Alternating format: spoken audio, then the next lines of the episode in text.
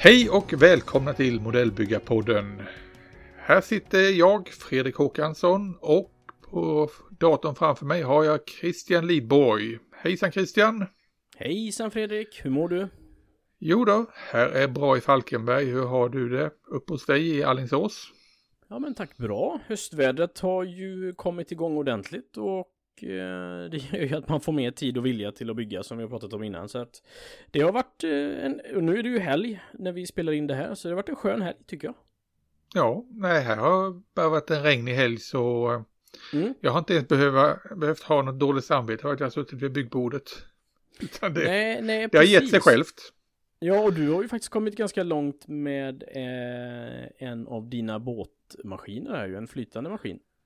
Ja, eh, när vi spelar in det här så har jag faktiskt blivit färdig med båten. Ja. Och jag har ägnat eh, dagen idag åt att städa av byggbordet. Den, den här eh, ritualen som man alltid har efter ett bygge. Nu rensar vi av, nu cleanar, eh, får vi det cleant och fint och kan börja på nästa allting tillbaka på rätt plats. Ja, jo, men det är bra. Vårda verktyg och vårda gubbe och allting eller på att säga och så ta nya tag. För då är det ju nästa ja. steg i att titta i stashen vad, vad nästa bygge blir. Och det är ju alltid en speciell känsla. Ja, och nästa bygge det kommer bli någonting helt annorlunda. För nu är jag lite trött på båt för tillfället. Så mm. Eh, nu tänkte jag skulle ta och måla figurer istället ett tag. Men du då? Eh, nej men, ja då. Ehm, jag har faktiskt eh, rest lite grann i mitt jobb som jag gör och då har jag ju faktiskt varit eh, äran att få vara i Danmark emellanåt och i den undersköna staden Ålborg och där finns faktiskt fortfarande fysiska modellbutiker. Uh, och det... Underbart! och det naturligtvis finns det flera ställen men det är ju helt klart någonting som eh, blir färre och färre utav. Så att då, då är det ju omöjligt att inte stödköpa dels, men och även att och njuta av och klämma och känna lite på, på kartongerna. Det är lite som, som det här att välja nästa objekt för, ett, ens, för sin stash liksom, eller i sin stash. Att man, eh, det är en speciell känsla att sitta där och titta och klämma och känna än att beställa på nätet och så vidare. Så att, ja. ja då, då blir jag givetvis nyfiken. Vad kom du hem med?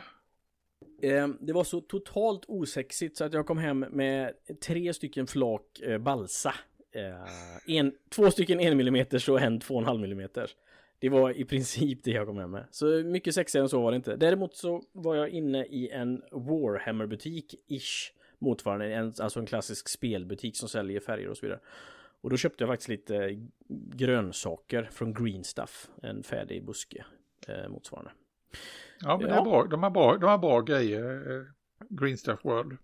Ja men de har faktiskt det och deras bredd på grejer är så spännande både i verktyg och i färg och i, ja men verkligen allt och särskilt lite av det ämnet vi ska prata om idag, diorama, så har de ju faktiskt mycket mer än vad man kan tro.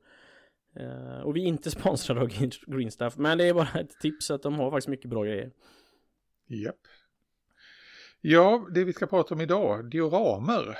Mm. Eh, vi inledde ju dioramer här för ett litet tag sedan med att eh, prata, med att jag pratade med Pontus om mm, utställningen i, på Rydal 2020. Ja, det stämmer. Och eh, lite bakgrund till diorama och så vidare. Men nu ska vi, du och jag, kasta oss rakt ner i, i själva dioramabyggandet eller vad vi nu ska kalla det. Ja, ja det är ju helt klart ett, ett, kan ju vara ett träsk av olika saker. Och vad är ett diorama och vad är en vignett och vad är um, de olika gränsdragningarna för vad man eh, ska göra. Ja, det här med att eh, vad är vad? Mm. Vi har dioramer, vignetter, basplattor. Nu har vi haft C4 i, eh, när det här sänds så har ju C4 gått av stapeln. Mm. Och det är säkert många som inför C4 då var frustrerade. Jaha, vad ska jag, mm. vilken klass ska jag hamna i och så vidare. Ja, precis. För på C4 så har vi ju dioramaklassen och sen finns det en som heter figurer i eh, miljö. Och sen har vi de som bara sätter sina prylar på en liten basplatta. Mm. Och eh, beroende på vad man gör och hur mycket jobb man lägger ner och så vidare så klassas det olika och bedöms olika eller bedöms inte alls. Nej men precis och det är som du säger om man tittar, jag som har byggt pansar så är det klart att det förhöjer bygget eh, för den som är där och tittar på men domarmässigt så, så räknas den ju inte med överhuvudtaget alls på något sätt om man tittar på en vanlig pansarklass exempelvis. Nej. Så vad är då en, ett diorama egentligen för någonting? Mm. Hur, vill du, hur, hur, hur vill du definiera ett diorama? Men jag tänker att ett, ett diorama och skillnaden mellan ett diorama och en vignett kan jag väl tycka att, att en vignett är en ögonblicksbild och en diorama, ett diorama kan vara någonting som sker över tid. Alltså har en berättelse, har en upprinnelse till att det som man ser sker och så vidare. Eh, om du håller med om det, det vågar jag inte. Jo, jag håller helt på. med. Alltså i diorama kan vi ofta se en story, ett före och ett efter. Mm. En vignett är som sagt det här figur i miljö. Ja, precis. På en vagn eller bara en figur eller på ett djur eller liksom vad. Ja, sen kan den berätta mer eller mindre historia. Mm. Men det är som du säger, det är en ögonblicksbild, en vignett. Och ofta är ju vignetter alltså storleksmässigt också mycket mindre än dioramer. Eh, och sen, eh, ja, skillnaden mellan en vignett och en basplatta. Det har vi också, det finns ju, det är väl också egentligen en gradskillnad, eller hur ska vi säga det? Mm. Det beror ju på vad, vad man lagt fokus på. Det är det som det handlar om. Ja, ja men exakt. Och jag tänker för om man bygger för att ställa det hemma i bokhyllan så höjer ju en basplatta upplevelsen fantastiskt mycket. Jag tycker verkligen det. Likväl naturligtvis en, en vignett också att det bara, men Um, för du, du har ju stora montrar hemma, eller på att säga. Du ställer ju gärna upp och det blir ju alltid det blir ju spänn mer spännande att titta på om det finns i en miljö. Och ehm, jag tror att nyckeln här till hela dioramakänslan är ju att man ska känna att man är i den här miniatyrskala-miljön liksom på något sätt.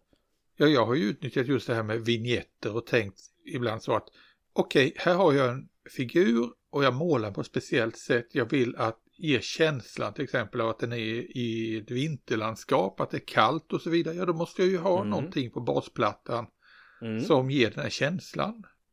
Och då kan det lätt bli, då blir det en vignett av det ofta om det ja, får lite storlek. Det är ju inte bara det att jag har en pytteliten platta som precis täcker fötterna utan man bygger ut det lite mer än så. Ja, men det, är, det är faktiskt en eh, rätt bra poäng och kanske en tumregel då att basplattan eller det, det förstärker vignetten med det som finns runt omkring objektet så att säga.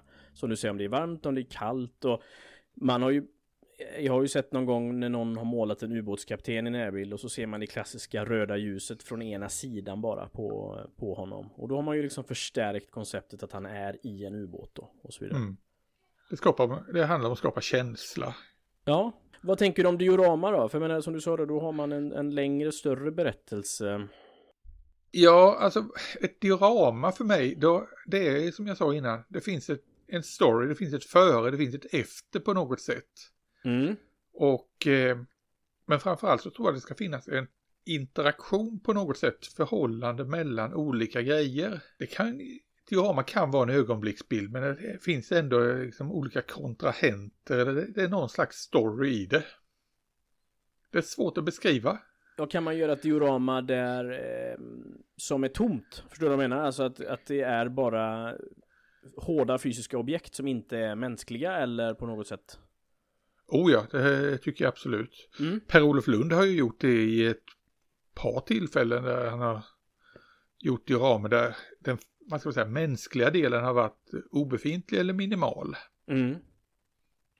Han har ju bland annat något diorama med en, eh, ja, det är ju för sig människor med en eh, skåpbil där det egentligen bara sticker ut ett par fötter ifrån, det är någon som ligger och sover bak i bilen. Vad, om vi ska, när vi ändå är inne på Per-Olof Lund som är en av, om absolut att klassa som en av världens bästa dioramabyggare, det, det kan man inte komma undan. Vad, vem är det som inspirerar dig och hur, om man ser på alla, så att säga, historien och det har ju många, många byggare har ju varit där ute. Ja, Per-Olof Lund är ju eh, framförallt en av de som inspirerar mig otroligt mycket. Han, han är ju han är fantastisk på att fånga de här vardagsmiljöerna. Han, har gjort eh, väldigt dramatiska grejer också men eh, det jag tycker han, där han verkligen excellerar det är när han eh, fångar de här norska, vad ska vi kalla vardagsmiljöerna. Mm.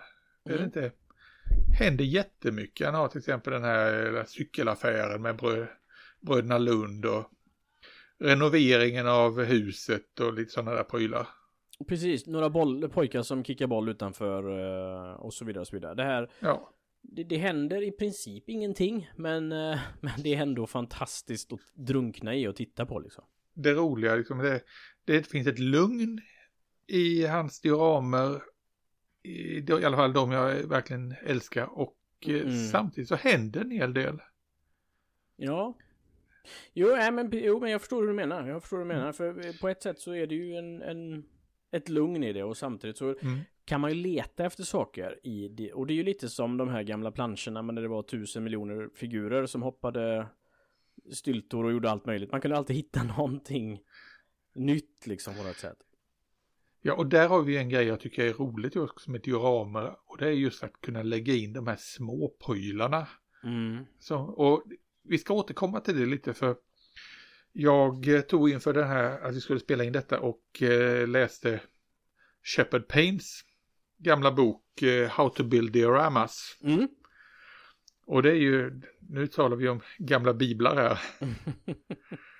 och gamla mästare verkligen. Ja, absolut. För Shepard Payne är ju en av de säga, riktigt stora i historien när det gäller dioramabyggen. Absolut. Och uh, han sa en intressant sak när det gäller diorama att uh, alltså det, det, ska berätta en historia och man ska man tittar på ett diorama tre gånger egentligen. All right. Menar han på. Mm.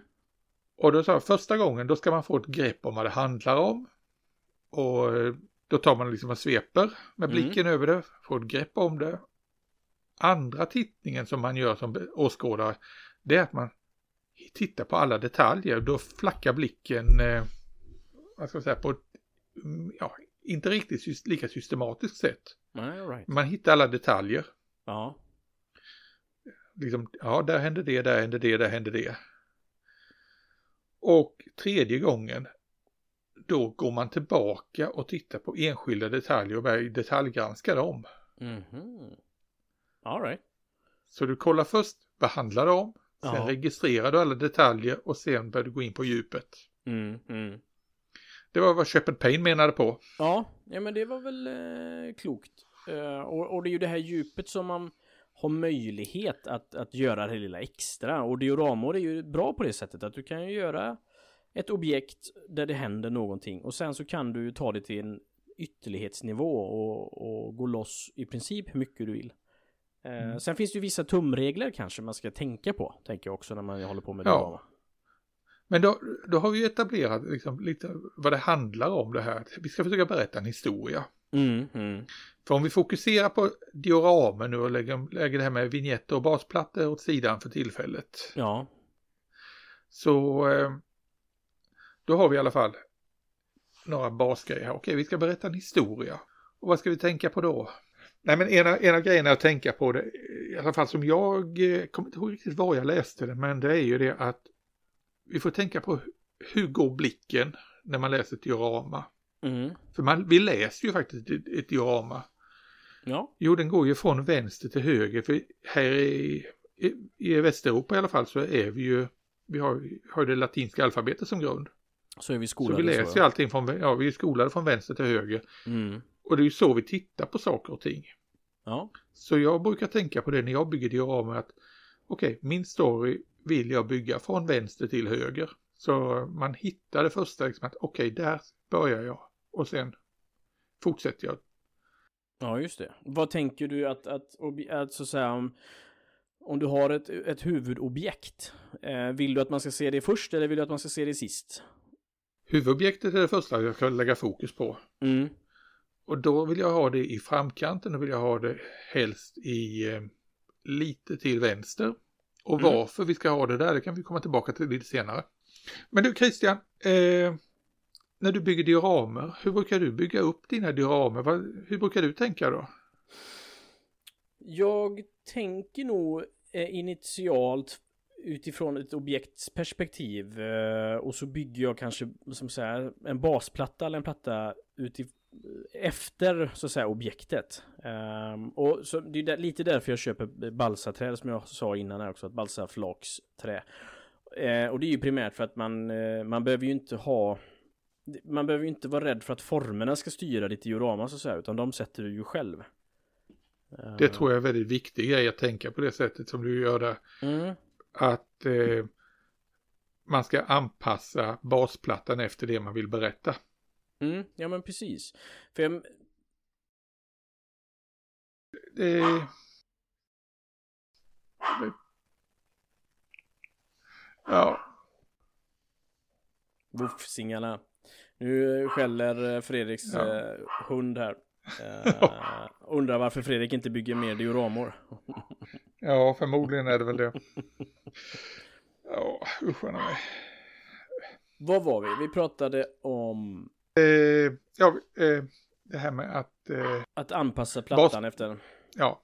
Precis. Men jag tror det är en viktig poäng du har där att eh, inte låta basplattan styra dioramat utan eh, låta det du vill berätta styra hur stor basplattan ska bli istället. Mm. För alltså försöka klämma in ett diorama bara för att du vet att okej, okay, här har jag en eh, basplatta i den här storleken. Nu ska jag klämma in den här tigen på mm. det dioramat. Mm. Eller på den basplattan. Ja, precis. Det funkar inte.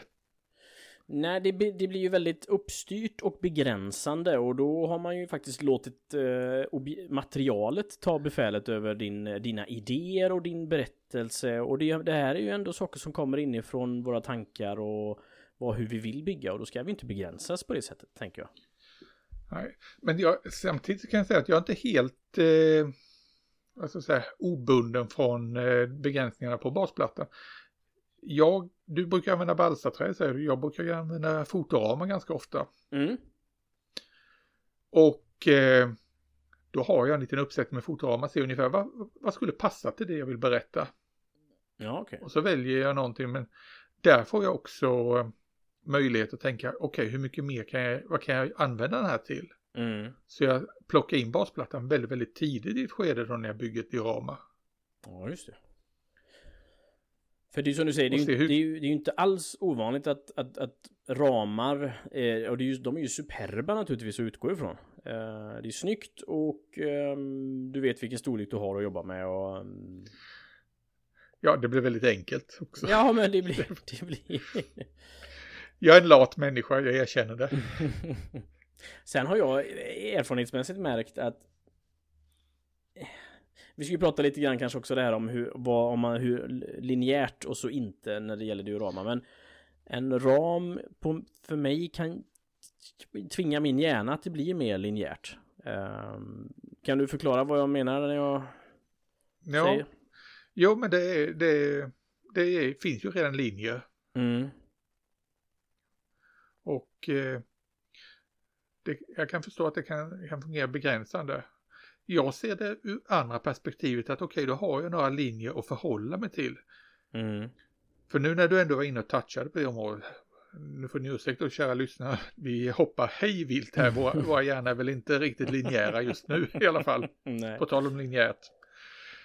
Eh, nej, men det är just, eh, vad du touchar nu är ju den gamla regeln med att aldrig vara parallell till eh, kanten Precis. ett diorama. Nej, nej. Och varför detta då? Mm. Varför är vi så allergiska mot det? För jag vet du är allergisk mot det och jag är allergisk mot det. Mm. Ja, men jag är nog kanske allergisk mot det, men samtidigt så har jag ju eh, många dioramor där jag har gjort så. Uh, mm. Och... Mm. Jo, det har jag också alltså, brutit mot den regeln ett antal gånger. Mm. Men eh, ja, jag kan väl säga att man kan väl bryta mot den på olika sätt. Mm. Ja, för att, för att gå tillbaka till varför. Ja, jag höll på att säga den enkla sanningen är varför ska vi inte ha det? Jo, därför att Shepard Payne säger att vi inte ska ha det. Men han fick ju det någonstans ifrån och det är ju det att om någonting ligger parallellt med kanten så uppfattar vi det som eh, vad ska jag säga, konstruerat, tillgjort på något sätt. Ja. Uppställt, eh, arrangerat. Precis, inte taget ur sitt sammanhang så som man vill att ett diorama ska kännas utan mer som Nej. du säger en eh, presentation av ja, något annat liksom. Ja, det är ju skillnad på det. Det är ju på sätt den här klassiken när man ska ta, ta kort. Och man säger till dem, se, se naturlig ut på bilden. Mm. Och eh, hela tjocka släkten blir ju då stela som pinnar och ställer sig i enskild ställning. Och ser jättekonstigt ut. Ja. Ja, Nej men det är faktiskt sant. Och det är ju även, eh, om vi ska prata namedroppa så är det ju även François Verlinden har ju exakt samma tankar också och har aldrig eller aldrig, men har väldigt sällan eh, raka linjer på sina dioramor. jag tror att det har vuxit fram rent generellt. Mm, mm. Och där har vi väl också den här skillnaden mellan basplattor och eh, dioramer. För en basplatta där kan vi ställa saker parallellt. För det ska egentligen bara vara en botten att ha ett fordon på. Mm, mm, precis. Men ett diorama som berättar en story och man sätter det parallellt. Det ser fel ut. Ja. Ja, och när vi är faktiskt inne på det här med gränsdragningar utifrån ett basplattperspektiv så eh, det finns en sak och eh, nu hoppas jag inte att jag får ovänner där ute men det finns en sak som kan göra Eh, men det, det mig lite grann och det är när det sticker ur saker ur ett diorama eh, eller en basplatta. Alltså att det, utanför gränserna på ramen eller på basplattans gräns. Eh, Du tänker till exempel flygplan som har vingspetsarna 3-4 centimeter utanför basplattan. Så tänker jag. Och så tänker jag kanske på en bror som där, där reglarna sticker ut och så vidare. Och då, då föredrar jag att liksom kapsla in de delarna. Och om exempelvis basplattan är svart så ska även de delarna avslutas med basplattans material som kanske är då eh, balsaträ. Och så ska det också målas svart. Så att man liksom eh, eh nu är jag oerhört purist i detta och ni hör att jag går igång och får nästan ökad puls. Men Ja, du menar alltså att du vill ha ditt diorama precis som du, du har tagit och skurit ut det med en kniv ur landskapet. Exakt så. Exakt så. Det ska vara som en, en, en foam cutter rätt igenom allting. Ja, men det, jag håller helt med dig. Jag, jag älskar det här. Det, jag, det ska vara väldigt skarpt. Mm. Jag det är snyggt Mm. Det, ja, men det, i, det, det, i mina ögon. ja, men det berättar att här tar det slut på något sätt liksom sådär. Och, ehm, ja, jag kan faktiskt lägga Ut, upp en bild utomjordingarna har bara lyft alltihopa rakt upp. Sitter du så. Exakt, skurit ut det och så lyft det. Jag kan lägga ut en bild på Instagram sen för vad jag eh, föreslår för hur man ska göra. Men ja, Men du, eh, jag tänkte bara tillbaka till det här nu vi pratade om med att eh, vrida saker och ting lite grann. Jag har ju hamnat i det här dilemmat och det har du också gjort, eh, vet jag. Där man har till exempel väggar. Jag har ju byggt eh, inomhusgrejer. mm, mm. Där ytterväggarna blir kanten på dioramat och då blir det ju 90 grader och det blir ju ja, nej men absolut. där parallella linjer. Men då får man ju sätta grejerna i dioramat. Eh, lite snett istället. Exakt Så, så. även om själva formerna för eh, ja, begränsningslinjerna blir 90 grader, Mm. det vill säga byggnadsväggar eller liknande, så kan, får man ju se till att det som presenteras i, det står inte rakt. Nej men det är sällan det gör det i verkligheten. Nej men du har helt rätt men jag tänker eh, så som de dioramor jag har sett som du gör så som du, då, då har du ju kanske en, en robot eller motsvarande och det händer någonting i och då är det som du säger då så ställer man ju det snett. Men skulle man exempelvis ha raka väggar och ställer någonting som är rakt och långt så som en bil eller en, en stridsfordon eller någonting som är platt och rakt. Då kan det nog krocka. Men, men det som du beskrev nu håller jag fullständigt med om. Att man ställer objekten eh, snett liksom. Jag höll på att säga en bil, jag kan ju knappt parkera rakt. Så det... Nej, Det löser sig självt i verkligheten också. Ja, exakt. Det, det är redan det är svårt. nej, jag håller med dig, jag håller med dig. Men eh, nej, och det är, det är halva grejen med dioram också naturligtvis, att hitta den här balansen och, och Sen kan man ju bli lite hemmablind när man väl håller på och bygger också, så det kan nästan vara skönt att be någon titta på det emellanåt, hur man hur upplever du det här och så vidare? hur, hur planerar du när du, när du bygger? Brukar du eh, sitta Oj. och skissa först eller hur, hur, hur gör du när du ska planera ett diorama? Jag har nog absolut varit i skissvärlden, men jag tänker att det är precis som, eh, som när den första kulan viner förbi så försvinner stridsplanen direkt. Jag tänker att det är, mm, man kan ha en, en övergripande plan, men sen utöver den så, ehm, så justerar man, anpassar man allt utifrån eh, vad man vill berätta och inte och hur det faktiskt blir sen. För och det tror jag nog att, att det är nyttigt att ha den tillgången till det, att man, eh, man måste inte hålla sig till sin plan. Eh, men samtidigt så måste man ju få plats med allting eh, och inte göra avkall på andra saker för att man inte vill eller vågar ha med det och sådär. Men, men hur tänker du då? För, för du... Jag är väldigt mycket för att sitta och rita och skissa. Ja, blir det så sen då när du är klar? Så här, på millimetern? Ja, det förstår jag att det inte blir, men... Ja, inte helt, men... Eh, nej, men det handlar ju om de här yttre begränsningslinjerna som dioramat, mm. eh, kant, kan, kanterna på basplattan utgör. Ja, just det. Att eh, där ska man ju ofta då kanske bygga upp en kant eller någonting redan från början. Mm. För mig är det att fixa med basplattan, det blir en tidig grej också i processen. Mm. Som jag måste tänka in.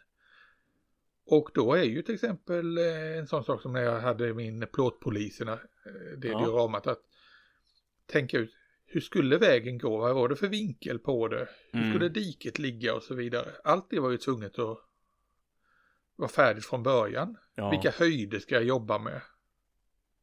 Ja men det, För kanten det är poäng. Eh, och sånt, det, det, finns ju där rätt tidigt. Och jag visste att jag var tvungen att på den yta jag hade få plats med min robot. Det skulle ha plats med gubben och vägskyltarna och de prylarna. Mm. Och i, vissa fall som till exempel vägskyltar då var jag ju ute och kollade i terrängen hur långt in står en vägskylt normalt sett och ja. hur ser det ut i verkligheten. Och ska det bli realistiskt så måste det ju få plats. Nej men jag, jag, jag tycker, om, jag tycker om att rita som sagt en ja. hel del. Mm.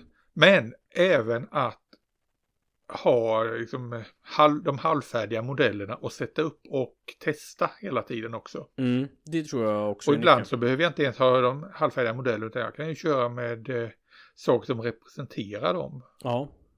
Och jag vet att okej, okay, här har jag det här och här har jag detta och sen bygger man upp med lite, ja, allt möjligt vad man har i närheten bara för att se ungefär, funkar detta?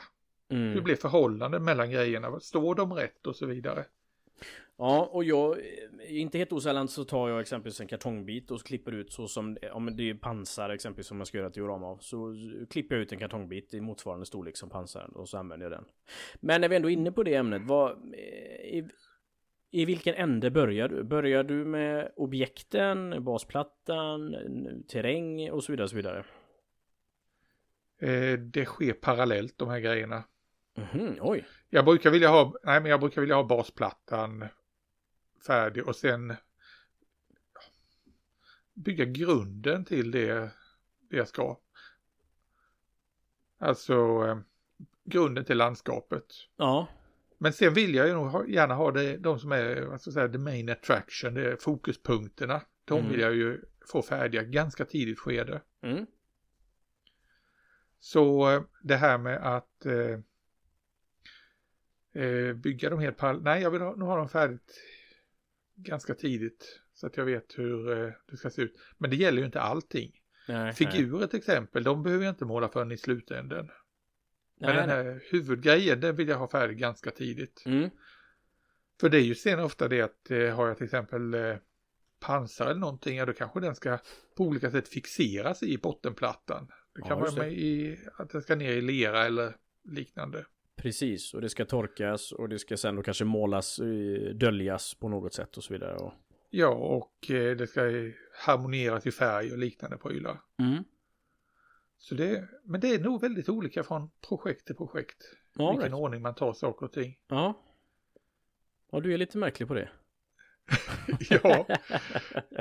Jag höll på att säga, jag är väl pragmatisk. Ja, du är kanske det. Ibland så Ibland går det, ibland går det inte att eh, följa en bestämd bestämt mönster. Nej, nej, men jag håller med dig också att det, jag börjar nog primärt egentligen med ett objekt, men det har absolut hänt också att jag börjat med en basplatta och så har tänkt så här, undrar vad som passar in i det här och så vidare. Liksom att man det, det har ju lite grann med vad man drivs av just vid det här projektet. Nu vill jag bygga ett hus och det får gärna hända någonting där och sen kanske man letar efter objekt. Men jag tror nog generellt sett som du sa att figurer målar jag nog sist och ehm, eh, jag älskar ju att göra någon form av eh, natur och, och grönsaker till det hela och det gör jag också ganska sent in. Eh, och så eh, och detaljer lägger jag också ut sist. Glasflaskor, hinkar, uh, you name it. Det kan jag säga att när det gäller vignetter, där kan basplattan få styra helt och hållet. Mm. För jag har gjort några vad ska jag säga, vignetter där jag tycker att liksom, jäklar vilken snygg grej jag kan använda till en basplatta här. Ja, just det. Den här skulle jag kunna bygga en, eller sätta en figur på på något sätt. Ja. Då har det fått styra. All right. Men inte på större prylar så har det aldrig hänt. Nej, nej, nej, nej. På just vignetter där kan eh, ett objekt som man vill ha som bas fått styra. Mm. Vad, vad, klassar du din, när vi ändå pratar om den, vad klassar du din eh, polisrobot som? Är det en vignett eller ett diorama? Det kallar jag för diorama. Ja. Det här jag också en sån här sak, hur stort är det egentligen? Vad är det för storlek man har på prylarna? Mm. När en eh, vignett, ja det kanske är en liten grej som ligger på 5-10 centimeter. Ja. I antingen då diameter eller bredd, bredd gånger längd. Mm. Men eh, ett diorama, det, när jag ligger uppe på 20 gånger 20 cm, då är det diorama i alla fall. Ja, okay. Plus att jag vill ha lite story i det. Mm. Jag tänker att det borde finnas ett namn för något som är mittemellan. Dio, Diognet eller Vingrama. mm. Ja, vi får se. Vad... Ja, det är, det är egentligen bara tävlingarna som, som bestämmer vad det är för någonting. Ja, ja det är faktiskt sant. Hemma i bokhyllan har det ju ingen betydelse. Nej, då är det ju egentligen vad det förmedlar. Men det här med att eh, ta figurerna ganska, lång, ganska sent i processen. Mm. Det har jag också, det är en poäng med det och det är ju det här till exempel att jag vill ju att eh, de ska få rätt pås. Ja. För att återgå till just eh, min polisrobot. Där fick jag ju ta och eh, modda figuren lite för att tilta så han tittar lite uppåt. Ja, så just gjorde det. inte figuren ursprungligen utan det fick jag ju göra om honom lite grann. Du Så bröt, han bröt nacken tittar, på honom? Han tittar, jag bröt nacken på honom och så till att han tittar på rätt saker. ja. Det var lite våld där. Nej men det är absolut Nej men det, be- det är ju sådana saker är ganska viktiga i diorama att det hänger ihop. Mm. Sant. För det är återigen, jag- om jag drar en parallell till pansar så kan det ju vara att en tysk vagnschef ska prata med en figur på, på marken och då kanske man inte alltid vet exakt vilka vilka eh, ögon, vad ska man säga, när deras ögon eh, mö- möts eh, på vilka nivåer. Så då får man anpassa kanske både plattan lite och, och figurerna lite också. Ja det är ju, ser ju ganska konstigt ut om han står liksom och tittar och skriker åt ett håll och, pek, och pekar och sen står ju soldaterna på ett helt annat, i en annan riktning. ja. En källchock och tittar åt ett annat håll. Nej, det är absolut Ja. en poäng.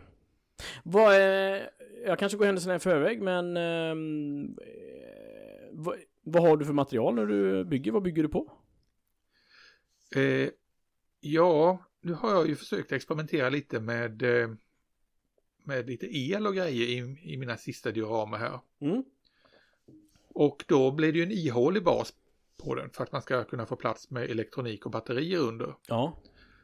Men eh, ja, sen är jag ju så lyckligt lottad att jag har ju en liten verkstad så jag tycker om MDF att ha det som botten och sen ovanpå det styrolit. All right, right. I alla fall om jag gör utomhusgrejer. Inomhusgrejer där kan man ju jobba med andra material. Ja. Beroende helt på vad det är för, eh, för bas eller botten jag ska ha. Ska jag ha durkplåt inomhus, ja då är det ju plastikad som, som gäller för det. Mm. Ska jag ha betong, ja då kan man ju jobba, lägga eh, lite kork eller någonting ovanpå eh, MDFen. Precis, precis. Men MDF tycker jag är en bra botten för det rör sig inte sådär jättemycket. Det, Nej. Det är ju en sak man ska tänka på när vi bygger diorama och så vidare. Det är att vi slabbar med ganska mycket vätska också i Mm. många fall.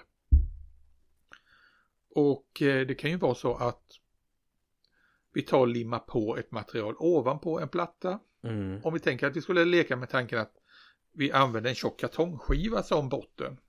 Och sen limmar vi styrolit eller vi börjar bygga med gips eller någonting. ja vad händer med den här kartongskivan? Ja den sväller ju, den warpar ju helt enkelt. Precis, och det tror jag, det är någonting jag har lärt mig på senare år att tumregeln är att aldrig arbeta med någonting som har varit ett levande fiber om det ska vara någon form av rak vägg som kommer utsättas för vätska.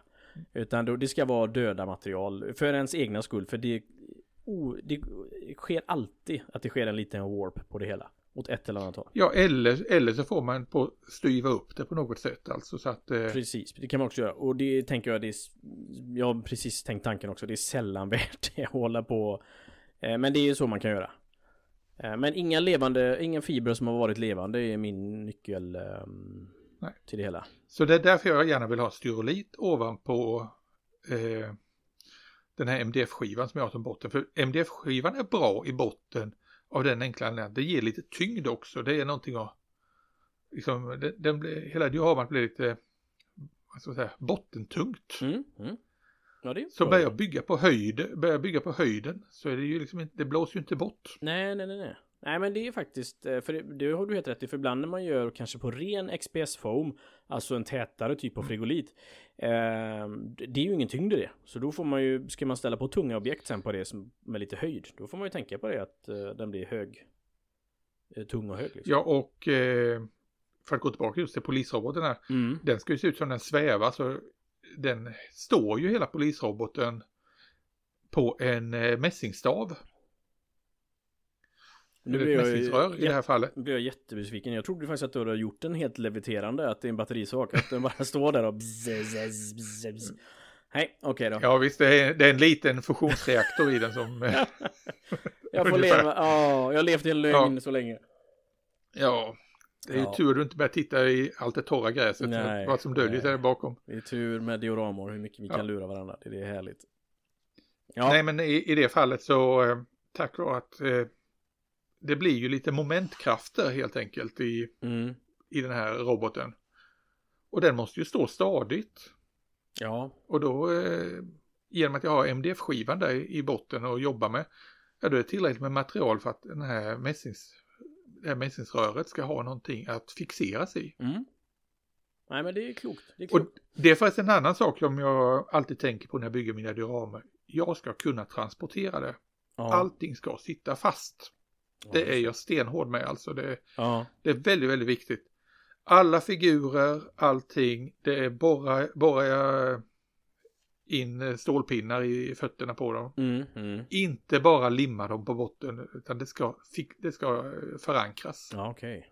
Ja, nej men det förstår jag. Vet inte, jag vet inte hur du tänker där. Eh, jo, men det, jag gör ju det och i och med att jag till 89% eh, bygger med balsaträ och XPS foam så är det ju väldigt lätta saker som sitter på så att det är ju det är ju det är lätt att transportera det. Uh, men sen när man kommer till tyngre saker som pansar och du har frulleband på pansar då blir det ju då blir det ju genast tungt liksom och, och kräver att det sitter fast. Så det kan, det, då limmar jag absolut fast det. Mm. Lim, eh, figurer, förankrar du dem också? Nej, det gör jag inte. Då limmar jag. Mm. Ja, för jag, som sagt, jag är rädd att jag, eh, och det kanske är helt onödig rädsla, men jag är rädd att de kan tippa eller mm gå av helt enkelt ja, från förstår. bottenplattan. Ja, jag förstår, jag förstår. Nej, men det är, det är bra tänkt och just dra in några metallstavar i tassarna på dem. Motsvarande. Första gången jag tävlade på Art in Miniature, då var jag livrädd när jag körde upp.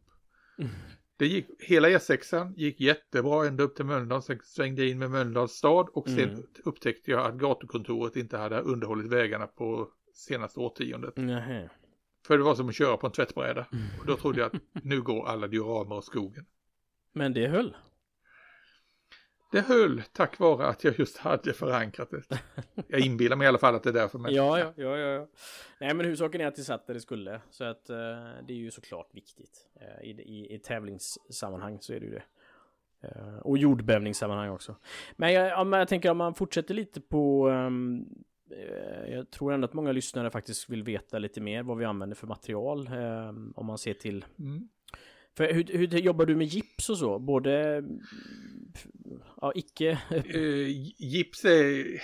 Det, jag är väl lite så här kluvet gips. Mm. Det kan vara väldigt kladdigt men jag tycker om eh, sån här gipsbandage. Ja, just det, just det. Och det här är en erfarenhet som jag har från eh, ungdomen när jag byggde modelljärnväg. Mm.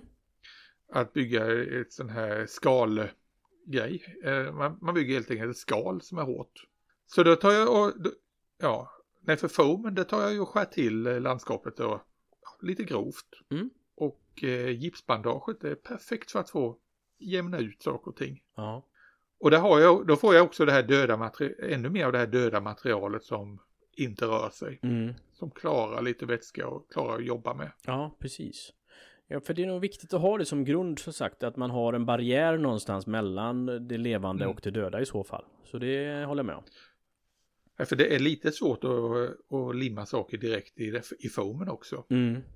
Dessutom så är det ju känsligt alltså för jag gjorde ju misstaget en gång att jag försökte limma fast foam med kontaktlim.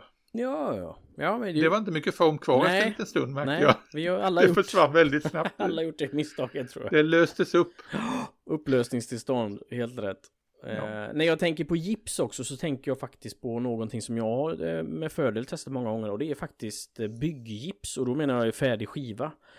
Eh, och det är ju pa- Ja, ja. och det är ju pappersförklätt, be- beklätt på båda sidorna så att man får ju lägga det i bad ett tag. Men sen, och det räcker att man tar bort det på ena sidan för då hålls det kvar och då skulle man om man vill då leka med tanken göra sönder det lite grann så att det blir sprickor och så vidare. Och så vidare. Ehm, så det är ett material som jag uppskattar att jobba med väldigt mycket faktiskt.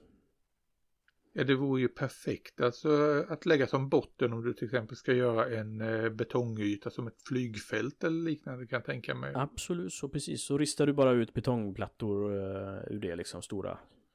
Ja, det är så... Ja, för jag har sett annars de som eh, lägg, gör en kant och sen tar de och häller gips och liksom jämnar av Mm, och gjuter den där ytan och sen börjar den. ja, ja, Den här ja, tar du ju liksom går ett steg eh, längre utan du, du tar det redan färdigt. Jag tar den färdigt och då finns det ju fibrer i sån eh, och för och nackdelar med det men de, de går ju att elda bort och de går eh, de gör även att det håller ihop på ett oerhört bra sätt så att även om du lägger den i blöt så går den inte sönder.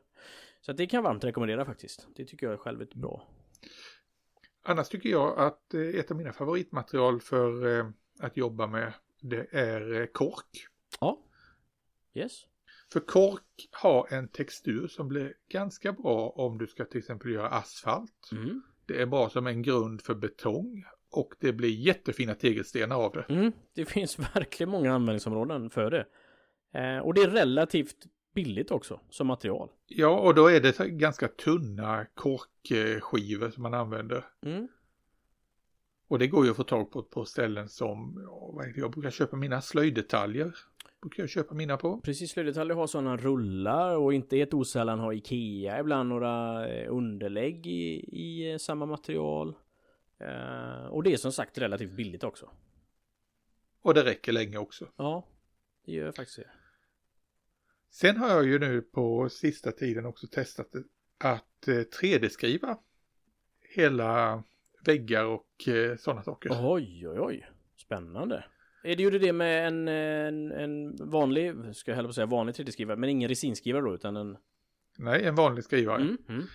Eh, jag helt enkelt eh, kaddade upp eh, till exempel den här källarlokalen jag hade. Mhm. Den lilla, det lilla dioramat. Ja, Så CAD, då kaddade jag upp väggarna. Det var nämligen det också att det skulle vara i en vinkel, saker och ting. ja, ja, ja. Och eh, lat som jag är så vill jag ju inte hålla på och eh, jag skulle lika gärna kunna gjort i plastikard men Mm. här fick jag vinklar och sånt rätt från början. ja Med skrivaren fick göra jobbet. Jag, jag kaddade upp det och skrev ut det. Ja, ja, ja. Och då hade jag, och då hade jag en grund sen som jag kunde jobba vidare på och eh, Mm. putsa upp en vägg på och så vidare. Göra balkar och liknande. Jättesmidigt. Eh, Ja men det är kul. Så grunden, grunden till ett hus, och, ja, då får man ju dessutom fönster och sånt på rätt ställe. Mm. Inga problem med det. Nej, raka rör och, och fönster på rätt ställe, ja precis. Och, och dörrar och... Alla öppningar Mm. med 90 grader. Lika, eh, ja, precis som det ska vara. Ja. Och när jag gjorde mitt lilla interiör från rymdskeppet då gick jag ju, då gick jag ju verkligen loss med 3D-skrivare för det var ju den bärande innestrukturen i eh, landskapet. Det var ju, det, var ju 3D-skrivet. Ja, ja, ja. Det var, ju, det var ju balkar och grejer och sen fyllde jag på då mellan med plastikard. Mm. Så det dioramat är i princip helt och hållet byggt i plast. Ah. Men det öppnar ju upp för naturligtvis nya idéer och även, även om man kaddar ju detta själv då så, så, så det är ju helt klart ett, ett genuint arbete bakom det men det öppnar ju upp för att man eh, kan fokusera också på andra saker också då i, i bygget. eh. Och, och nu har vi inte pratat om målning och vädring av vårt diorama överhuvudtaget men det är Nej, ju... Vi kommer väl dit så småningom. Ja, vi hör ju det, men det är ju, det är ju i princip eh, åtminstone hälften av arbetet av, av det hela. Eh, även om man gör jättesnygga saker så spelar det ju ingen roll sen hur om du väljer att inte lägga ner så mycket tid när det gäller målning och vädring såklart. Det är en, en typ av dioramer som vi inte har varit inne på här och det är ju boxade dioramer. Shadow boxes. Ja, just det. Lite titlordsvariant så menar du? Tittlådsvarianten, för det är ju en intressant variant också på dioramer för där kan man ju verkligen leka med eh, forcerade perspektiv och liknande Mm, prylar. mm, få fram ett djup eh, och så vidare. Och, Ja. ja. Och eh, alltså, om ni inte vet vad det är, ni som lyssnar, ett, ett, ett boxat diorama så är det ju ett, som Christian sa, ett tittskåp där man tvingas titta i en riktning. Mm. Jag som byggare tvingar in eh, den som tittar att bara kolla från ett enda håll. Och det ger som sagt oanade möjligheter när det gäller att lura ögat. Ja, ja verkligen. Och, och lägger man då in lite som du var inne på innan där med, med ljus och elektronik och grejer så eh, kan man skapa fantastiska saker på en ganska liten yta också. Det behöver inte vara så stora ytor då helt plötsligt. Nej, det finns ju en eh, riktigt duktig kille. Eh, vad heter han? En holländare som heter, eh, nu ska vi se, Marjen van Gils. Mm. Han är duktig på de där prylarna. Ja, okej. Vad hette han en gång till sa du? Eh, Marjen van Gils. Ja, ja det lät flamländskt. Han har gjort en, ja, han har gjort, jag tror han är holländare. Mm. Eh, kan vara belgare också, nu ska jag inte förolämpa. Nej, nej, nej, nej. Dem. Det är den regionen i alla fall. Men eh, han är duktig på det här med att eh, göra sådana här boxade grejer. Mm. Kul. Och har gjort mycket, mycket, vad ska jag säga, ja, suggestiva grejer Ja, ja, ja. med hjälp av det. Ja, Där han har lagt eh, det här dioramat då i flera lager bakom. Så man börjar med att se ett lager mm. och sen har han en öppning i den bakre väggen på det lagret och då ser man in i nästa lager och så vidare. Jaha.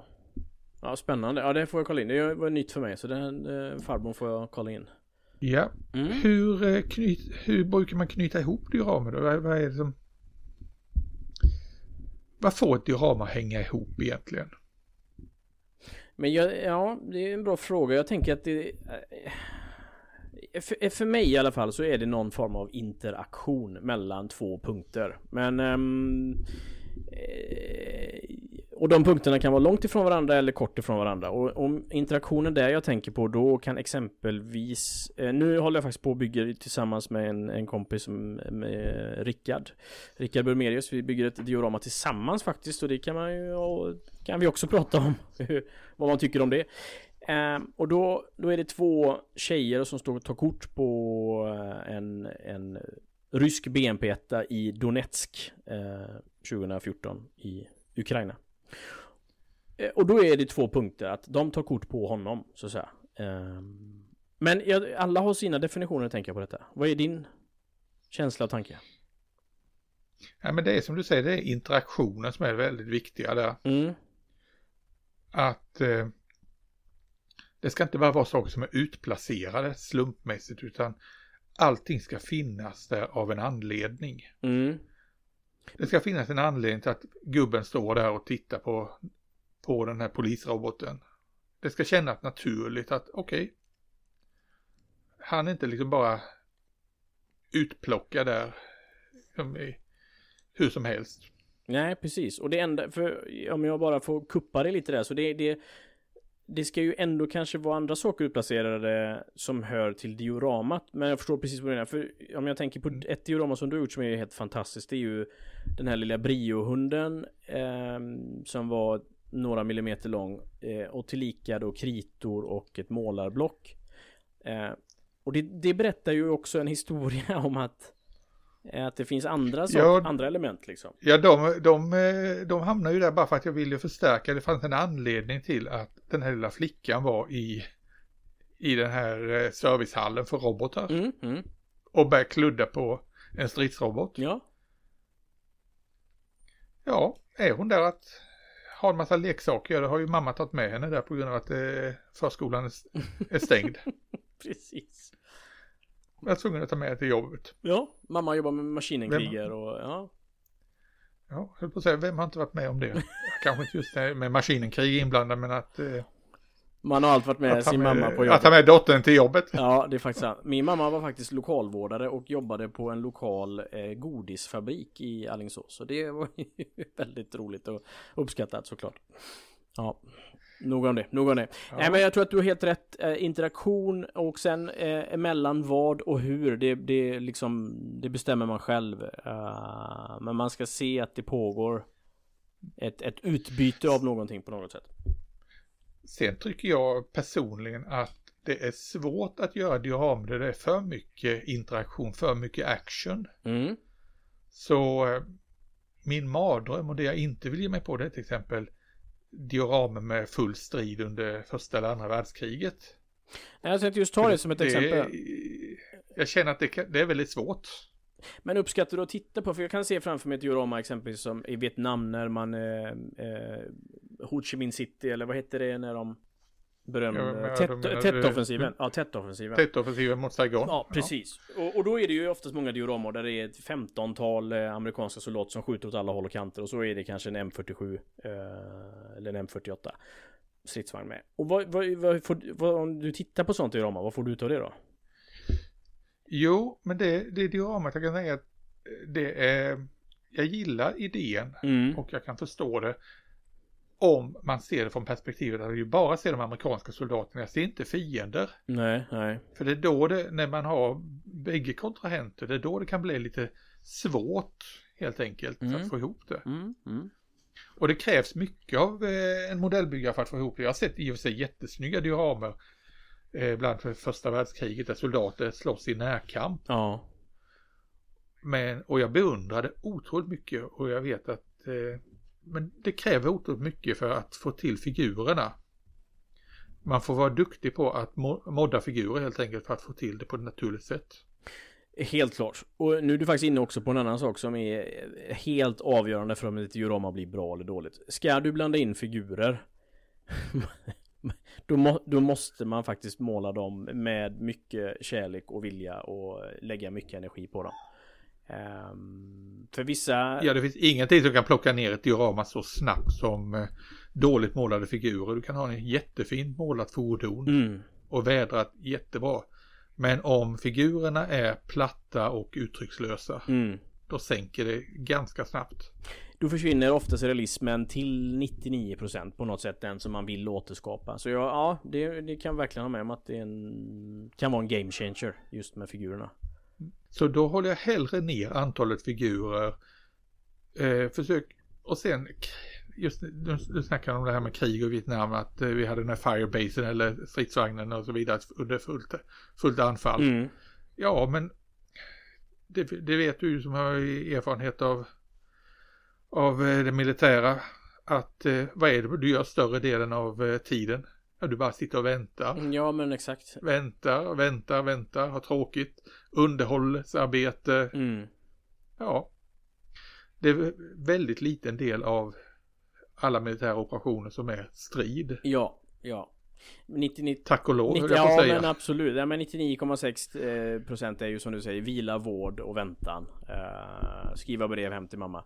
Eh, och, men tittar man också då på, för vi pratar om att, att, att konvertera figurer. Tittar man på utbudet av figurer ehm, så, så är det generellt sett så att de antingen går, de är i strid eller de vilar. Ehm, och, och det man får ju ha en stor fantasi så att säga för att kunna använda befintliga figurer um, om det ska matcha ens egna önskan om det är dioramat. Oftast får man ju konvertera om man vill förstärka någonting extra mycket. Men figurer är speciellt på det sättet. Uh, Då kan det faktiskt vara bättre att satsa på att köpa en till två bra resinfigurer än att eh, försöka använda Nask med Tamaya-figurer som Mm, är mm, i stridspåsar. mm. Hitta, hitta en bra resinfigur som står där med händerna i fickorna och ser uttråkad ut. Ja, men eh, helt och hållet. Jag håller med fullständigt. Ehm, och då, då får man nog ut eh, väldigt, väldigt mycket. Plus att du lägger ner mer energi och tid när du ska exempelvis måla den eller vart den ska stå och så vidare. Det blir inte så random. Allting blir väldigt planerat och bra. Nej, och det, och det sätter stämningen i hela dioramat också. Mm.